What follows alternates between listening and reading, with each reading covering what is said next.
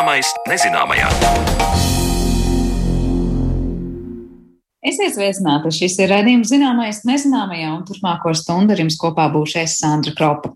Šoreiz mūsu tematika būs vērsta kosmosa virzienā. Jau pavisam drīz parunāsim par komētu izpēti un pavisam precīzi par to, kā latviešu zinātnieki strādā pie tehnoloģiju izstrādes, kas varētu palīdzēt kādā dienā noķert komētas asti. Bet līdz tam vēl pievērsīsimies zvaigžņu globusu vēsturei. Griežot globusu, parasti tajā ieraudzīsim dažādas zemes un okeānus, bet ir arī zvaigžņu globusi, un tajos var atklāt spožas zvaigznes, piena ceļu un citus noslēpumus. Šāds unikāls zvaigžņu globus glabājas Latvijas Universitātes muzejā, un šobrīd ir uzsākts globusa restaurācijas process. Cik sen ir šī globus vēsture un kādiem nolūkiem tas tic izmantots, to plašāk noskaidroja mana kolēģe Mariona Baltkalne.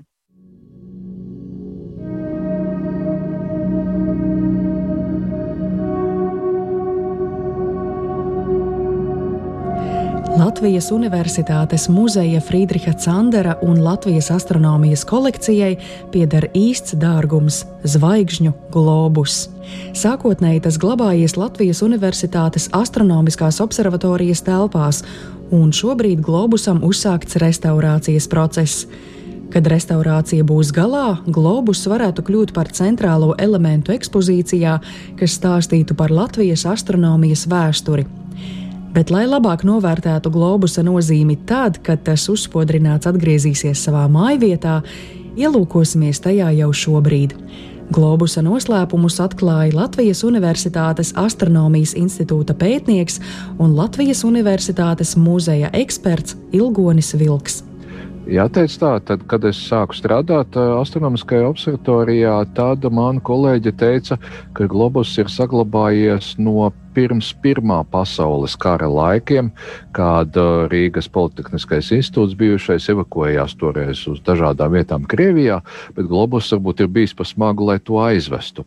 Bet uh, vēlāk es pats atradu mūsu astronomiskās observatorijas inventāru žurnālā tādu ļoti lakonisku ierakstu, kas vēsta, ka globus ir iegādāts 1935. gadā Rīgā mācību līdzekļu veikalā. Un turpat eh, tālāk netālu arī ir ieraksts, ka 1937. gadā, divus gadus vēlāk, eh, Rīgā Negebauera darbnīcā zvaigžņu globusam vēl papildus uzzīmēja tās mitoloģiskās zvaigznāja kontūrus un uzzīmēja piena ceļu par pašu globusu sakot, nu, mēs varam mēģināt iztēloties e, liela, nu, kopumā, teiksim, balta lode 80 cm diametrā, masīvā metāla ietverā, viņa var griezties ap asi, un uz tās ir atzīmētas e, praktiski visas neapbruņot atsredzamās zvaigznes, savilkts raksturīgās līnijas, kas raksturo attiecīgos zvaigznājus arī viņu nosaukumu, un papildus vēl lūk šīs mitoloģiskās figūras un piena ceļš, un vēl koordinātu līnijas. Nu, tāds diezgan iespaidīgs uh, veidojums. Mitoloģiskās zvaigznāju figūras tās būtu tās zodiaka zīmes. Mitoloģiskās zvaigznāju figūras ir uh, faktiski visiem zvaigznājiem. Eh, mūsdienās pie debesis eh, atzīst 88 zvaigznājus. Senos laikos dažbrīd ir bijuši vēl citi zvaigznāji, kas līdz mūsdienām, nu, tā sakot, nav saglabājušies šajā te, eh, nu, tradīcijā. Bet um, par ļoti daudziem zvaigznājiem vēsta dažādas grieķu teikas, un to skaitā, protams, ir arī 12 uh, zodieka zvaigznājus, kurus savukārt pie debesīm ieviesa jau senie babiloniešu astronomi. Tā kā šis ir tā tāds otrais slānis, un par šīm te mitoloģiskām tēmām jau arī var ļoti daudz stāstīt, bet astronomiem profesionāliem tas varbūt nav galvenais. Hmm. Tad galvenais būtu spožākās zvaigznes, piena ceļš, Jā, nu, tātad galvenie objekti ir šīs e, zvaigznes koordinātu līnijas. Šīs globus ļauj ļoti ērti un uzskatāmi parādīt divas uh, astronomijā pašas svarīgākās koordinātu sistēmas.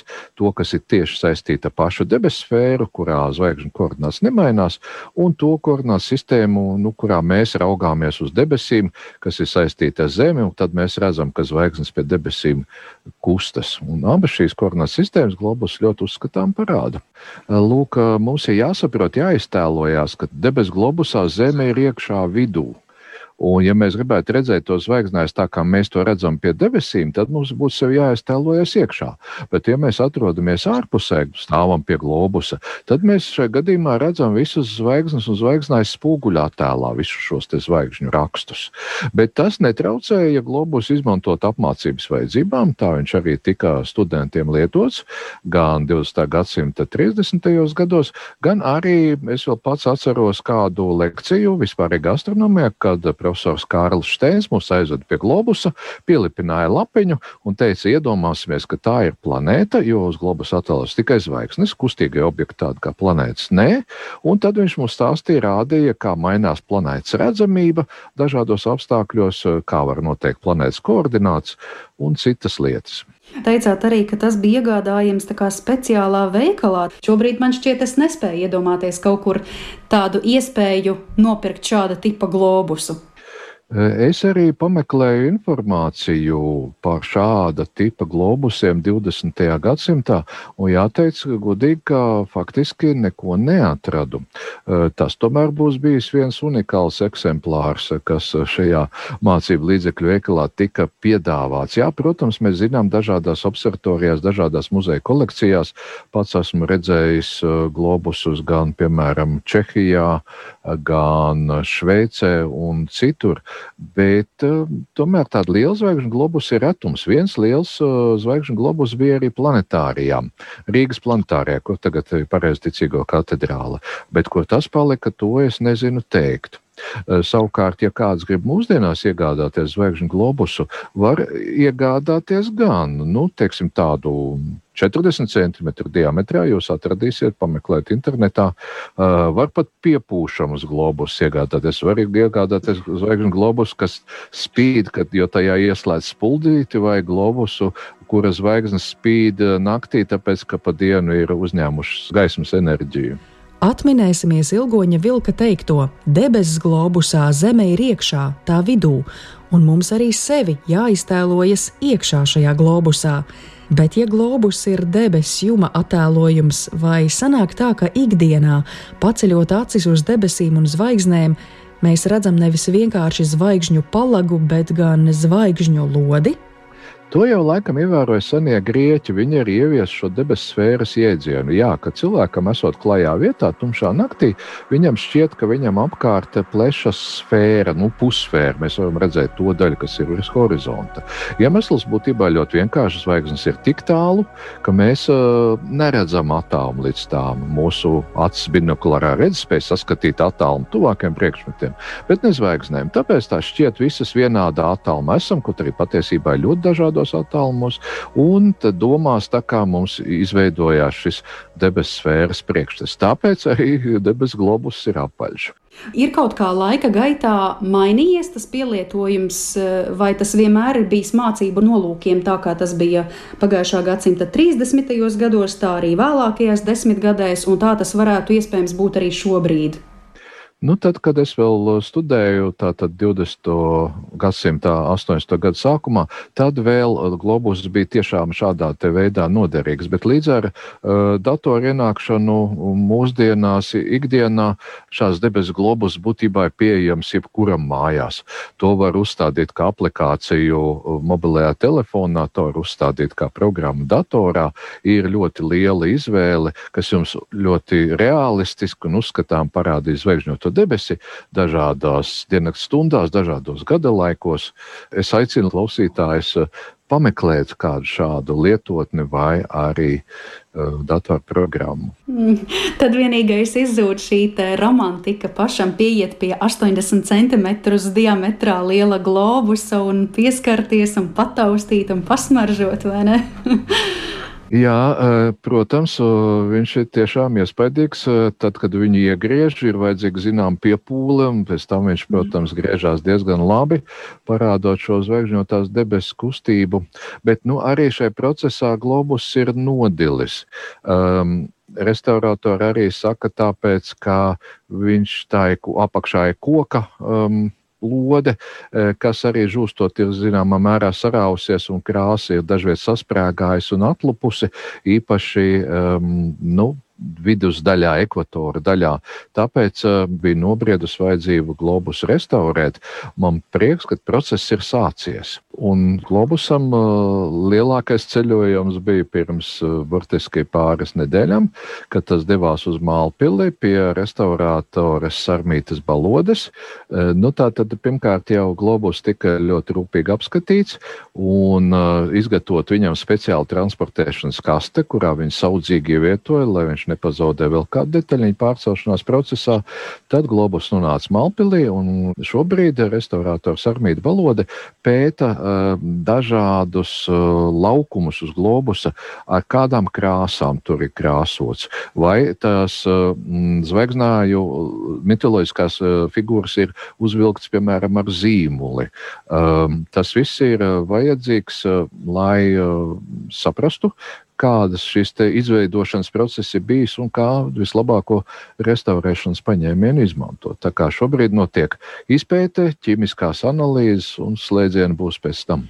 Restaurācijas darbus varēja uzsākt pateicoties ziedotāju atbalstam, un ziedojumu process joprojām turpinās Latvijas Universitātes fonda mājaslapā. Un vēl Latvijas Universitātes muzejs uzsācis publicēt zvaigžņu globusa restaurācijas dienas grāmatu, kas varētu būt vēl viena muzejiska vērtība. Ar dienas grāmatas palīdzību tiek atspoguļots viss restaurācijas process, un tā kalpos kā liecība nākamajām paudzēm. Jā, viena doma bija, protams, nofiksēt notiekošo, bet tad uh, spriedām par to, kādā formātā. Un dienas grāmata šķita kā piemērots vairāk tāds kā personiskāks vēstījums. Tajā datumā notika tas, tajā tas un tas. Jo mm, kaut arī tās ir patreiz mūsdienas, nākotnē tās tiešām kļūs par vēsturi. Mēs uh, ar Guntu Vilku ļoti daudz strādājam ar vecajiem astronomiskās observatorijas materiāliem. Ir tiešām interesanti lasīt, kas ir um, noticis noticis, kas mums ir daudz saglabājušies, kas 30. gados, pēc tam 50. gados un arī tuvāk mūsdienām. Tā kā par vēstures veidošanu ir jādomā jau šodien. Mm -hmm. Nu, un visbeidzot, vai tad, kad muzeji atkal vērsies vaļā, apmeklētāji varēs arī nākt apskatīt eh, restaurētu zvaigžņu globusu? Zvaigžņu globus eh, noteikti būs restaurēts, un uh, Mēs ļoti ceram, ka vienlaikus sāksies arī darbi šīs te uh, bijušās astronomiskās observatorijas telpu atjaunošanā, remontā, lai to pārveidot pār um, šo te vēsturisko ekspozīciju. Un tad globusam tur būs goda vieta, bet ja gadījumā remonta kavēsies, mēs noteikti atradīsim vietu, kur eksponēt globusu, arī demonstrēt to Latvijas Universitātes muzeja apmeklētājiem. Pagaidām vēl restaurātori nenosauc konkrēti termiņu, bet es domāju, ka šogad noteikti noteikti šie darbi noslēgsies, un tad jau varbūt mēs būsim arī tikuši galā ar epidēmiju, muzeja atsāks darbu, un tad laipni lūdzam pie mums ciemos. Zvaigžņu globus vēsturē, saturā un restaurācijas procesā palīdzēja ielūkoties Latvijas Universitātes astronomijas institūta pētnieks un Latvijas Universitātes muzeja eksperts Ilgonis Vilks, ar kuru sarunājās mana kolēģe Mariona Baltkalna. Bet raidījuma turpinājumā mēs parunāsim par to, kā pētīt komētas.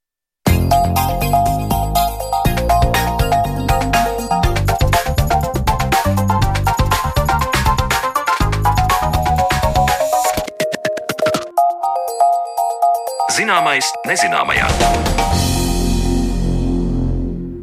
Cilvēku prāti jau izsens ir nodarbinājuši jautājumu par mūsu izcelsmi, un mūsdienās, pateicoties tehnoloģiju attīstībai, esam soli tuvāk atbildes meklējumos, un viens no piemēriem ir ierīces, kas ļautu notvert tālas komētas. Pētnieki teica, ka tās var stāstīt mums par laikiem, kad Saules sistēma vēl tikai veidojās, un tad nu šodien mūsu attālinātajā studijā tiekamies ar pētnieku, kurš ir iesaistīts šīs misijas darbībā, un tāpēc mūsu studijās veicu Tartu Universitātes asociēto profesoru Andris Lavīnski. Sveiks, Andri! Sveiki, sveiki! Mēs tikāmies, nu jau jāteic, pirms kāda laika arī zināmais nezināmajā studijā, kad Latvija vēl tikai plānoja dalību Eiropas kosmosa aģentūrā, un tu esi viens no tiem nu, nedaudzajiem cilvēkiem, kuram ir sadarbība ar Eiropas lielāko kosmosa izpētes organizāciju. Vai tu vari pastāstīt, pie kā tu tieši šobrīd strādā? Uh, jā, protams, protams. Uh, es šobrīd strādāju pie, pie divām misijām. Viena ir uh, Comet Interceptor, vai arī, kā, vai arī varētu vai arī varētu dēvēt par komētu tvērēju. Un uh, es arī strādāju pie SQ2 misijas, kas, uh, protams, uh, uh, droši vien klausītāji zinās par to, ka uh, Igaunijas pirmais satelīts tika saukts SQ1, un tad SQ2 nākošais šajā, šai, šajā kā, sērijā, satelīta sērijā. Un, tas, tas savukārt tiks palaists sadarbībā ar Eiropas komisiju un, un Eiropas kosmosa aģentūru. Tur arī Eiropas kosmosa aģentūra iesaistīta ir. Un vēl arī šobrīd trīs pabeigšu savu pēcdoktorantūru Alto, Alto universitātē. Tā kā tur arī uh, strādāju pie Comet Interceptor misijas un iesaistīju Alto universitāti šajā misijā arī. Tad sanāk, ka komētas nebūtu nav vienīgais izpētes lauks šobrīd, lai gan viena no tām misijām, kas skar šo komētu noķeršanas un izpētīšanas projektu, tad ir tavā darba lauciņā šobrīd, es pareizi saprotu, ja? Jā, jā, tieši tā. Ļoti, ļoti daudz laiks aiziet strādājot pie Comet Interceptor misijas, jo tas ir darbs ar Eiropas kosmosa aģentūru, kurā viss, ir, viss tiek dokumentēts un, un, un, un, un, un tā kā cītīgi viss tiek, viss tiek darīts. Tas viss, lai nodrošinātu to, ka misija izdodas, lai nekas nenoiet greizi. Un savukārt, kad mēs strādājam ar, ar, ar SQ2 vai citiem kubsatiem, tad tā, tā dokumentācija un viss tā birokrātija daudz mazāk, un, un, un, un tādā ziņā tie projekti ir varbūt pat interesantāki. Nu, kā varbūt interesantāk, bet jautājums, kas ir nu, tas, no tās zinātniskās intereses, varbūt skatu punktu raugoties, tas aizraujošākais. Nu, ja ar satelītiem darbs, tad es saprotu, tas ir vairāk par to, kā to reāli izveidot un dabūt tur augšā, un tad tas satelīts veic tās visas funkcijas, vai savukārt tas, kas saistās ar komētu izpēti, tur laikam ir tāds atbildes tādiem fundamentālajiem jautājumiem, vai nu, cik tālu tu pietuvojies tiem lielajiem jautājumiem un atbilžu meklējumiem. Jā, jā ļoti, ļoti labs jautājums. Tā kā, uh, nu, mēs sākām mūsu grupu ar to observatorijā. Mēs sākām ar to, ka mēs izstrādājām uh, satelīta sistēmas, tādas, kas uh, nodrošina energopadevi satelītam, komunikācijas, uh, orientācijas noteikšanu, kontroli un tam līdzīgi.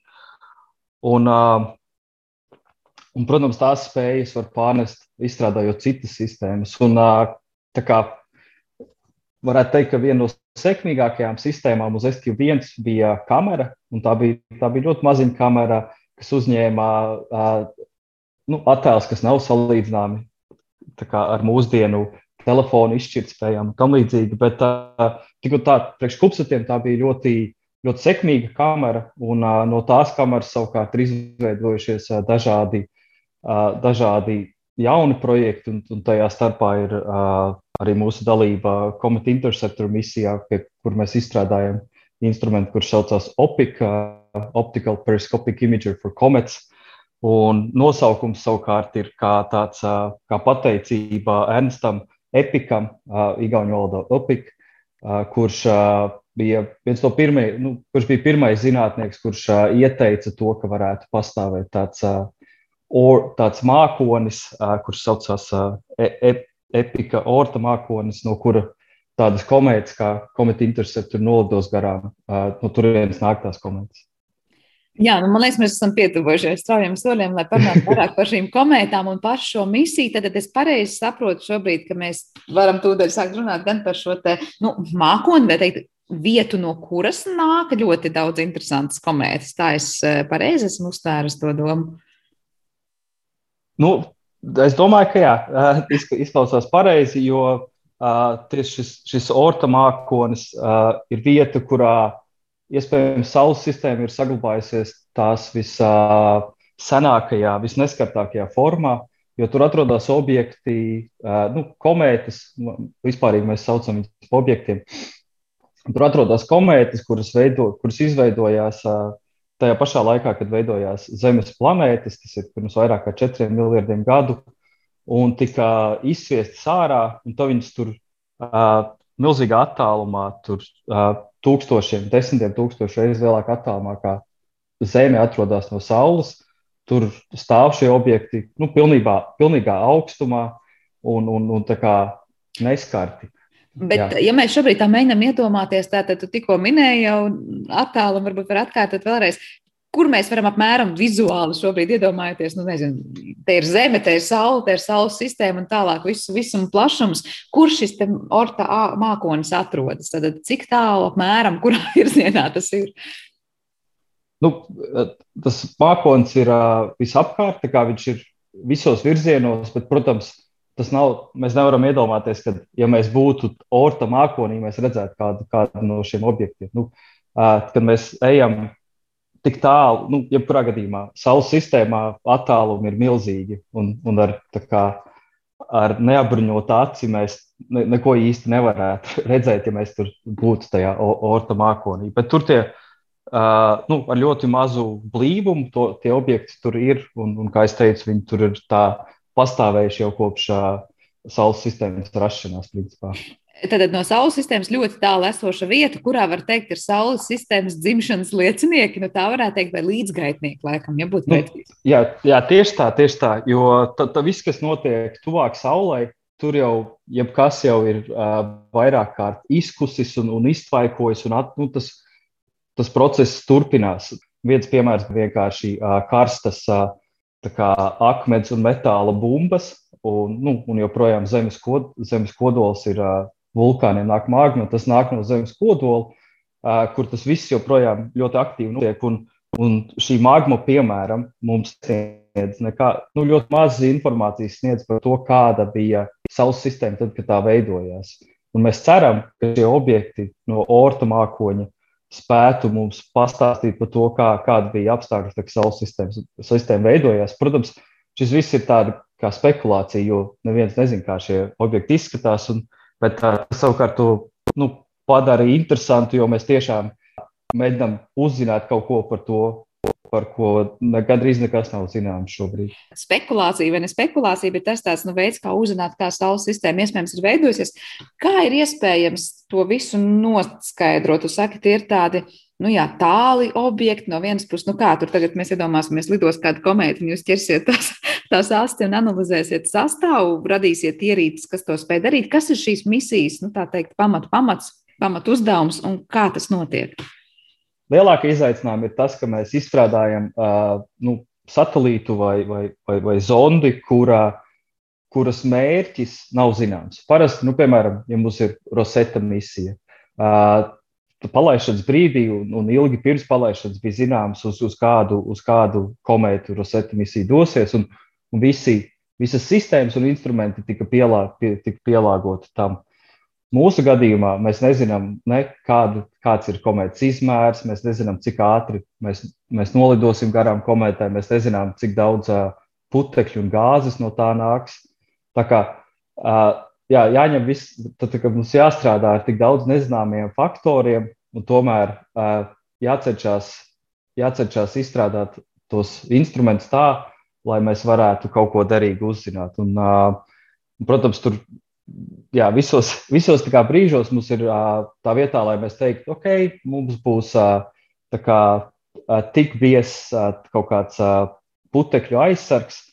Tā vietā inženieriem jāstrādā to, ka tas putekļu aizsargam ir jā, jābūt vai nu ļoti plānam, vai, vai nu ļoti biezam un visam starp to. Bet tad sanāk tā, ka tā ideja šobrīd radīt ierīci, kā tu teici, kuras nu, tā mērķis vai misija līdz galam īsti nav skaidra, bet ir jānolido garām. Tātad, ja šai komētai jānotver tas materiāls, no kura tālāk izdarīsim mm -hmm. secinājums vai kā? Jā, tieši tā. Tā kā, tā kā mums uh, tas mērķis nav, uh, mērķa objekts nav zin, zināms, tad uh, tas veids, kā Comet Interceptor misija operēs, arī ir tāds, tāds neierasts. Tā kā sākumā tas uh, satelīts tiks palaists uh, uz tā uh, saucamo L2 Lagrange punktu, uh, kas atrodas. Kā, ja mēs valkam taisnu līniju no Saules līdz Zemei un turpinam to līniju, tad Lagrange punkts ir uh, uz tās līnijas uh, vairāk kā 150 miljonu kilometru attālumā, ja pareizi atceros. Un, un tas punkts kā, turpina kustēties kopā ar Sauli. Un tur ir ļoti izdevīgi novietot dažādus teleskopus, piemēram, uh, Ariel egzoplanētas teleskops tur būs. Un tieši ar, arī ar to misiju Comet Interceptor tiks palaists kā, kā, kā sekundārā derīgā krava. Un tur, sav, tur savukārt Comet Interceptor gaidīs divus, trīs gadus, līdz uh, piemērots uh, mērķis tiks atrasts. Un tas savukārt tiek darīts ar, uh, ar, nu, ar, ar, ar dažādiem lieliem teleskopiem, bet nu, spēcīgākais tajā arsenālā, teleskopu arsenālā būs uh, Vera Rūbina observatoriju vai LSST, ja priekš saukt. Un ar, ar to ir iespējams atrast, nu, ir, ir, ir aprēķināts, ka būs iespējams atrast uh, aptuveni vienu, vienu derīgu objektu gadā. Un derīgs šī gadījumā nozīmē tāds, kuru Comet Interceptor spēs sasniegt ar savu uh, uh, nu, to saucamo delta V ātruma izmaiņas budžetu, kas ir mazāks par vienu kilometru sekundē. Tā kā nu, tāda vienmēr kaut, sakot, eh, kaut kas, ko, ko, ko šis misija spēs sasniegt kā objektu, ja, tad tas jau būs tas derīgais izpētes objekts, kur vienkārši varēs noķert. Bet kas notiks tālāk? Kā, kādā veidā to, no tās komētas materiāla var teikt, tā izpēta notiks, lai saprastu, ko, nu, piemēram, eh, ķīmisko sastāvu, un tad izanalizēs, kādos apstākļos kas kā ir veidojies. Kā mēs nonāksim līdz tām atbildēm, kāda tā saules sistēma ir veidojusies? Jā, nu, tu, varbūt šeit jau ir, nu, es vairāk iesaistīts tehnoloģiju izstrādē un tiešām tieši precīzi, kā tas pāriet no, no instrumentiem līdz to fundamentālo jautājumu atbildēšanai. Es nezinu, bet uh, ir dažādas, nu, ir, ir dažādi, jā, kā, kā mēs iepriekš minējām, instrumenti. Nu, paskaidrošu, ko šie, ko šie instrumenti nozīmē. Cilvēkiem vislabāk saprast būtu tāds instruments kā kameras un, un, un Un tā kā uz, uz, uz pašā kometa interceptora galvenās zondes, un uh, tur arī ir papildus zondes, uz, ir, uz, uz katras no tām ir kameras, kas uh, dažādās uh, spektru joslās uh, uzņems attēlus, gan, gan paša kodola attēlus, gan apkārtējo gāžu un, un, un plazmas attēlus. Tad ir arī uh, tādi uh, instrumenti, kas analizē, cik uh, lielas vai nu, cik masīvas ir uh, daļiņas, kuras nāk, kuras nāk no komētas. Un, un, un dažas no kamerām, piemēram, arī var uh, mērīt uh, infrasarkano starojumu, kurš nāk tāda apjomīga instrumentu paka, uh, kas mēra uh, putekļus. Nu, tā kā putekļi uzlidos, ietriecās tajā virsmā, var mērīt uh, elektrisko lauku, var mērīt uh, magnētisko lauku, elektronus, jonus un, un, un, un tam, līdzīgi, tam līdzīgas lietas. Un tas viss, nu, principā, tur ir, mēs varēsim pateikt par to, vismaz nu, par to komētas virsmu un par, to, par āsti maksimāli daudz, un tad to var likt modeļos, kuri, kuri, nu, kuri apskata to, kā vispār Saules sistēma attīstījusies. Tas jau ir, jau ir atsevišķa zinātne pati par sevi, kas, kas modelē tos visus procesus, īpaši uh, Saules sistēmas attīstības sākumā. Jā, tas vienmēr liekas, prātam, grūti aptverams, ka no tā, kā iegūst šos datus, un ka mēs teiksim par tādiem puzles gabaliņiem, liekam kopā no bildi, kas tiešām ir super liela un super sarežģīta un um, lietas ļoti tālā pagātnē. Bet es saprotu, jā, tu esi īstais cilvēks, kuram jautāt ne tik daudz varbūt par to, kā tad notiek pašu komētu izpēta no tās astronomijas skatu punkta, bet drīzāk par tām tehnoloģijām, kas tad kosmosa izpētē tiek lietotas. Un tāpēc man nav, nākamais jautājums tev ir, nu, vai šis ir tāds unikāls gadījums ar to, ka nu, varbūt pirmo reizi tiek gaidīts tā, ka nu, tas pētāmais objekts, kas vēl nav konkrēti zināms, nu, tiešām būs jānoķer un jārada, kā teica, tā tehnoloģija kaut kam, kas, kas vēl īsti mums nav līdz galam izpētīts. Tas ir šobrīd unikāls kaut kāds, nezinu, gadījums visam izpētes vēsturē. Noteikti ir unikāli tas, ka mēs izstrādājam uh, satelītu un instrumentus, uh, kuri, kuri uh, pētīs šobrīd nezināmu mērķi, tā ir viena unikāla lieta no tehnoloģiju puses. Un, protams, iemesls, kāpēc mēs to darām, ir, ir tas, lai mēs pirmo reizi nolidotu garām objektam, kurš nāk no tā orta mākoņa pirmo reizi. Tā kā tā saucās gar, gara, gara perioda komētas. Un, un savukārt, jā, nu, iemesls, kāpēc to darīt, ir, kā jau minēju iepriekš, viss, kas nonāk tuvu saulē, sāk kust, un tur notiek visādi termālie procesi. Savukārt, ja tas objekts nāk pirmo reizi, tad mēs redzētu to virsmu, kāda tā ir bijusi vairākus, vairākus miljardus gadu. Un tas noteikti ir svarīgs. Tā kā pirmo reizi tas notiks, un, un milzīga motivācija visai komandai uh, pārvarēt dažādus uh, izaicinājumus, kas ir saistīti ar, ar, ar, ar, ar šo, nu, ar šo, kad, ar šo pionieru gājieni. Es nezinu, kā pateikt latviešu valodā. nu, katrā ziņā kaut kas notiek diezgan, var teikt, pirmo, pirmo reizi vai spēr, spēr savus pirmos soļus. Bet runājot par šo kameru, kas tiek izstrādā, izstrādāt, ko tu arī minēji, es saprotu, ka tur tiek iesaistīti arī Latvijas e, cilvēki, Latvijā dibināti jaunu uzņēmumu tieši šim mērķim, vai kā tas notiek? Jā, tā tad es jau Mēs jau vairākus gadus strādājam ar, ar kolēģiem, kas senāk bija, bija mani studenti Tartu observatorijā, uh, kas nu, brauca, brauca vasarās turien ar, ar, Jānu Šat, ar Jānu Šatu un Endiju Briedi. Un viņi, viņi ir jau, jau vairākus gadus strādājuši pie tādas ļoti specifiskas tehnoloģijas, kas, kas spēj ļoti ātri apstrādāt datus, piemēr, piemēram, attēlus nu, tas nav tā kā uz, dator, tā kā uz mūsu datoriem mikroprocessors, tā ir pavisam cit, cits veids, kā to darīt.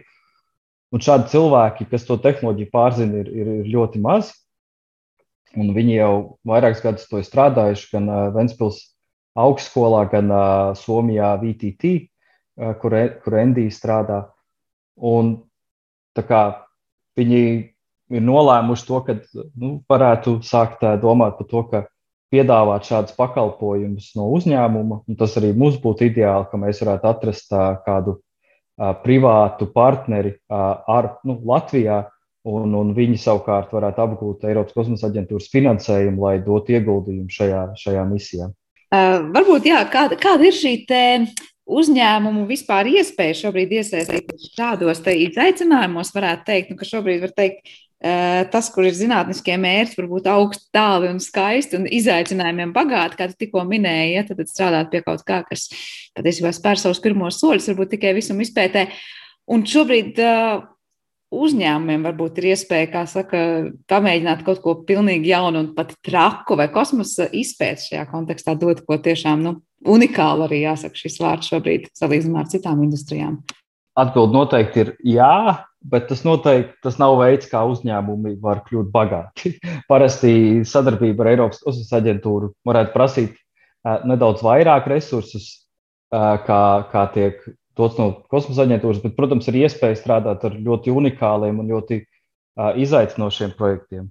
Un tā kā Latvija tagad ir asociētā valsts, ja es pareizi saprotu, nu, katrā ziņā vienu soli no tā, lai kļūtu par piln, pilntiesīgu dalību valstu Eiropas kosmosa aģentūrā, tad latviešu dažādām institūcijām un, un it īpaši uzņēmumiem ir iespēja pieteikties finansējumam, lai izstrādātu kosmosa tehnoloģijas.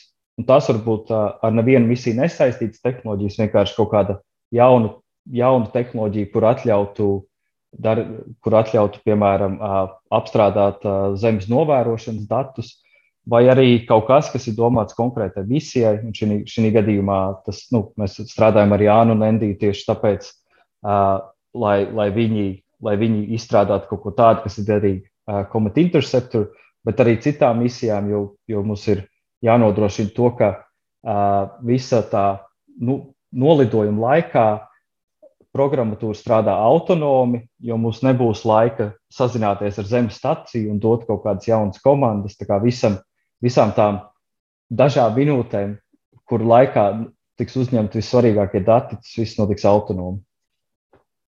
Bet pielietojums jau šai konkrētajai, piemēram, arī risinājumam vai jomā jau nav tikai pēc tam kosmosa izpētē, vai ne? Es pieņemu, ka uzņēmums izstrādājot ko tādu, pēc tam varbūt pēc dažiem gadiem tikai uzzināsim, kurā jomā vispār var piedāvāt kaut ko, kas savukārt mūsu ikdienas gaitās kļūst par tādu neaizvietojumu rīku.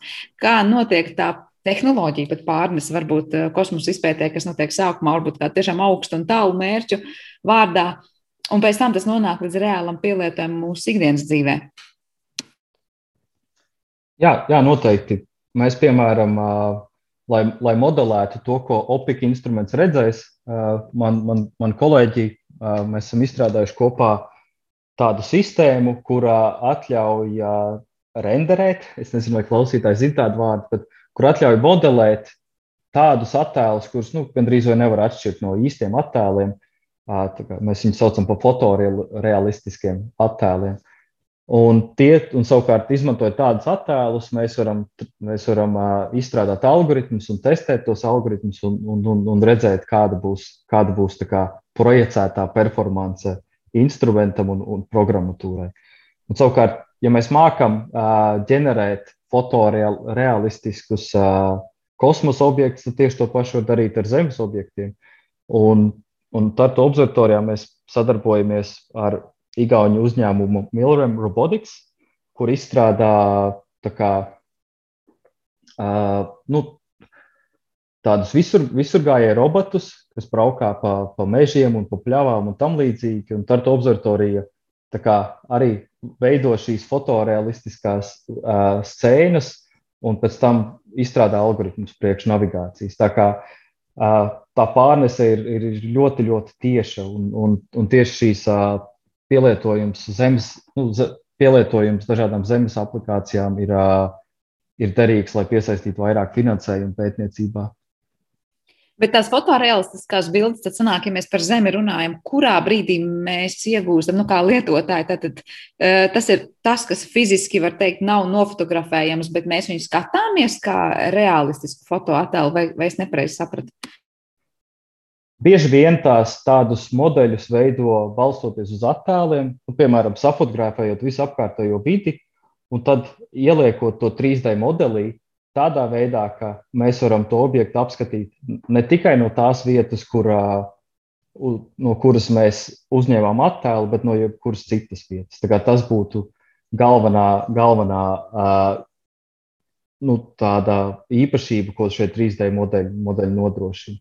Tad tikpat labi tas varētu būt kaut kāds grūti sasniedzams vulkāna krāteris, ja, kur reāli neviens nav nofotografējis, bet, lai uzmodelētu precīzi, kad kas tajā notiks, mums pietiks ar kaut kādu pavisam citā brīdī vai vietā veidotu attēlu. Ja, un mēs tad, var teikt, to ainu spēsim modelim iedot kā, kā īstu fotografiju, tā saprotu. Jā, jā, tieši tā. Mēs varam uzmodelēt, nu, protams, ja mēs nezinām, kā izskatīsies objekts, mēs nemākam viņu uzmodelēt, bet, ja mums ir aptuveni nojausma, kā šāds objekts varētu izskatīties, vai tā ir komēta vai, vai vulkāns. Tad, tad tiešām, ja mēs spējam to visu uzmodelēt, tad mēs, piemēram, varētu izdomāt, kā uh, autonoms roveris varētu nokļūt uz, uh, nu, pie vulkāna un varbūt tur uzņemt kaut kādus uh, vērtīgus mērījumus, kur cilvēks nemaz nevarētu droši atrasties. Jā, tas ir tipisks un uzskatāms piemērs tam, kā pētot kosmosu, mēs patiesībā pētām Zemi, un par to parasti tiek runāts diezgan daudz un plaši, ja, kā te, kosmosa tehnoloģijas ļoti pielietojams šeit pats šīs planētas izzināšanā. Bet runājot un atgriežoties pie tām komētām, var teikt, ka nu, tādu komētu pētīšanu un to tehnoloģiju radīšanu komētu tvēršanai un pētīšanai nu, ir tāds lielākais un grūtākais uzdevums šobrīd, lai vispār šāda veida tehnoloģijas radītu? Vai ir vēl citi visuma objekti, kas ir pietiekoši sarežģīti, lai mēs nu, tikpat liels izaicinājums tehnoloģiju izstrādātājiem? Nu, jā, jā šitais, šis ir labs jautājums. Un, ja godīgi, tad uh, uh, Cometa Interceptor misijā ir, ir dažādi mērķi. Viss, ko mēs runājam šobrīd, uh, ka uh, tātad misija tvertu, pārtvertu objektu, kas nāk no tā epika orta mākoņa, tad tas ir mūsu galvenais plāns, bet ir arī kā, sekundārais plāns. Ja būtu iespējams atrast starpzvaigžņu objektu, kas būtu sasniedzams ar misiju, tad, protams, zinātnieki gribētu redzēt, kā izskatās starp, starp, starpzvaigžņu objekts. Un, mēs zinām, ka nesenā pagātnē divi, divi objekti ielidoja uh, Saules sistēmā no, starp, no starpzvaigžņu telpas. Tas ir Moamama un Borisov. Tātad divi tādi, divi tādi objekti, vai, vai viens no tiem arī izskatījās pēc komētas. Un, un ja, jā, ja būtu iespēja tādam nolidot garām, tad, protams, tāda iespēja tiktu izmantota. Un, uh, bet, nu jā, tādas salīdzinot, kādas ir šīs iespējas, tā kā iespēja atrast orta orta mākoņa objektu ir aptuveni viens objekts gadā, kurš būtu sasniedzams ar Comet Interceptor. Un tad, balstoties uz statistiski ļoti mazu, ma, mazu kā, datu, datu kopumu, tikai ar diviem objektiem, ir aptuveni aprēķināts, ka būtu jāgaida desmit gadus, lai, lai, lai šāds objekts nokļūtu nu, tādā vietā, kur, kur Comet Interceptor varētu to sasniegt. Bet, nu, šī, nav, šī iespēja nav nulle. Un, ja kaut kas tāds notiktu, tas, protams, varētu mums pastāstīt par to ne tikai to, kā Saules sistēma radās, bet arī kā citi, citas mm, apkārtnes apkārtnes sistēmas, zvaigžņu sistēmas radās. Bet vai parasti cilvēks interesē nu, tās dzīvības izcelsmes jautājums vai arī dzīvības esamības jautājums uz citām planētām, vai šādas tehnoloģijas ļautu arī varbūt labāk un ātrāk uh, saprast, kur meklējums varbūt ir kaut kādas dzīvības pazīmes? Ne tikai ja mēs par izcelsmi runājam, bet vispār dzīvību citur visumā. Jā, uh, nu, astrobioloģija ir ļoti, ļoti interesanta tēma. Uh, un arī, arī mūsu, mūsu grupā ir cilvēki, kuri to strādā. Es, es pats gan to nestrādāju, bet noteikti līdzīgi instrumenti to varētu izdarīt. Bet šeit atkal ir tā runa, šeit atkal jārunā par to, priekš kā tie instrumenti tiek izstrādāti. Kā jau teicu, jau, ja mēs salīdzinām, kā Rosetta misija tika izstrādāta un kā Comet Interceptor misija ir izstrādāta, tur ir tā nu, diena pret nakti, kāda kā, kā, kāda notiek instrumenta izstrāde. Un tad, ja mēs, bet mēs nevienā no tām misijām negaidījām, uh, nu, mēs, ne, mēs negatavojāmies meklēt uh, dzīvības pazīmes, labākajā gadījumā kaut kādas organiskas, uh, organiskas savienojumus.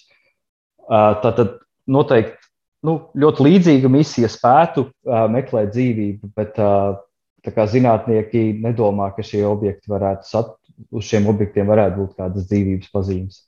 Tā, tā būtu atkal jāpārorientē šī pilnīgi jauna misija. Varbūt arī nu, tas instruments būtu jāpārveido tomēr diezgan, diezgan daudz, lai meklētu atkal atbildes uz pilnīgi citiem jautājumiem.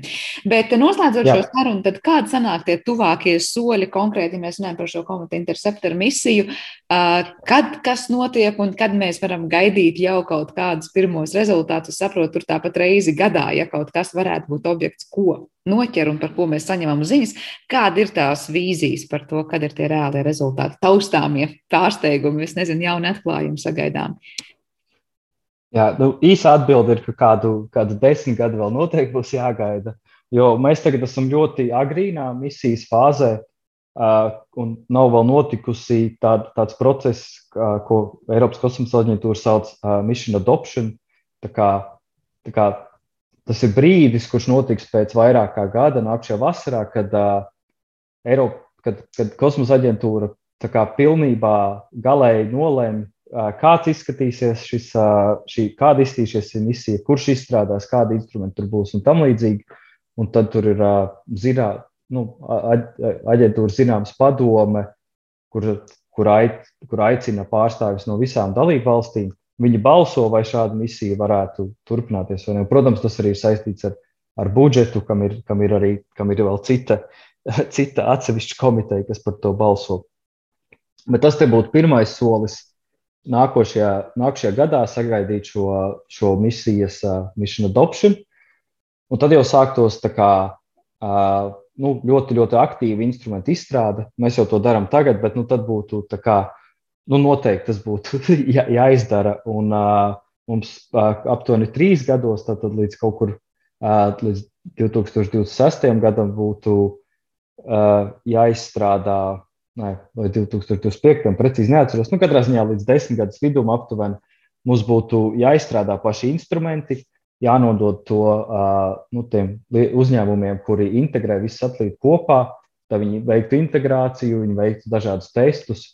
Un palaišana kopā ar Arielu ir paredzēta 2029. gadā, ja nemaldos. Šis, šis uh, datums arī ir jau, jau tiks, tiks pārlikts pa pāris gadiem. Nu, un tad uh, 30. gadu sākumā uh, varētu sagaidīt to, ka, to, ka varētu atrast to, šo potenciālo mērķi un sākt doties tā virzienā. Tā kā jā, nu, vismaz, vismaz desmit gadus būs jāgaida līdz rezultātiem.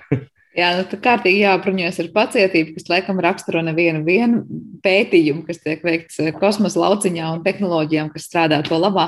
Tā kā nu, tiešām vēlēsim veiksmus visās tajās turpmākajās darbībās, un skaidrs ir viens, ka paies vēl labs laiciņš, lai mēs dzirdētu, kas ir izpētīts un vai ir izdevies ko notvert un interesanti tiešām izanalizēt, uzzināt, uzzināt par šiem objektiem, bet droši vien, ka sajūta strādāt pie šādām tehnoloģijām ar, arī ir gana nu, tāda saudabīga un interesanta un saviņojoša, jo, protams, ka patiesībā tiek meklēts atbildes uz diezgan lieliem, fundamentāliem un visiem ļoti interesējošiem jautājumiem.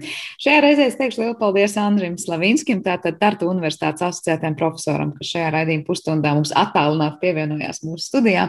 Es atgādināšu arī visiem klausītājiem, ka šo raidījumu producēja Paula Gulbinska par mūziku parūpējās Girds Bišs, ar jums kopā bija Sandra Kropa, un šos raidījumus, tāpat kā citus zināmais nezināmajās stāstus, varat dzirdēt arī populārākajās podkāstu vietnēs. Paldies jums un uz tikšanos!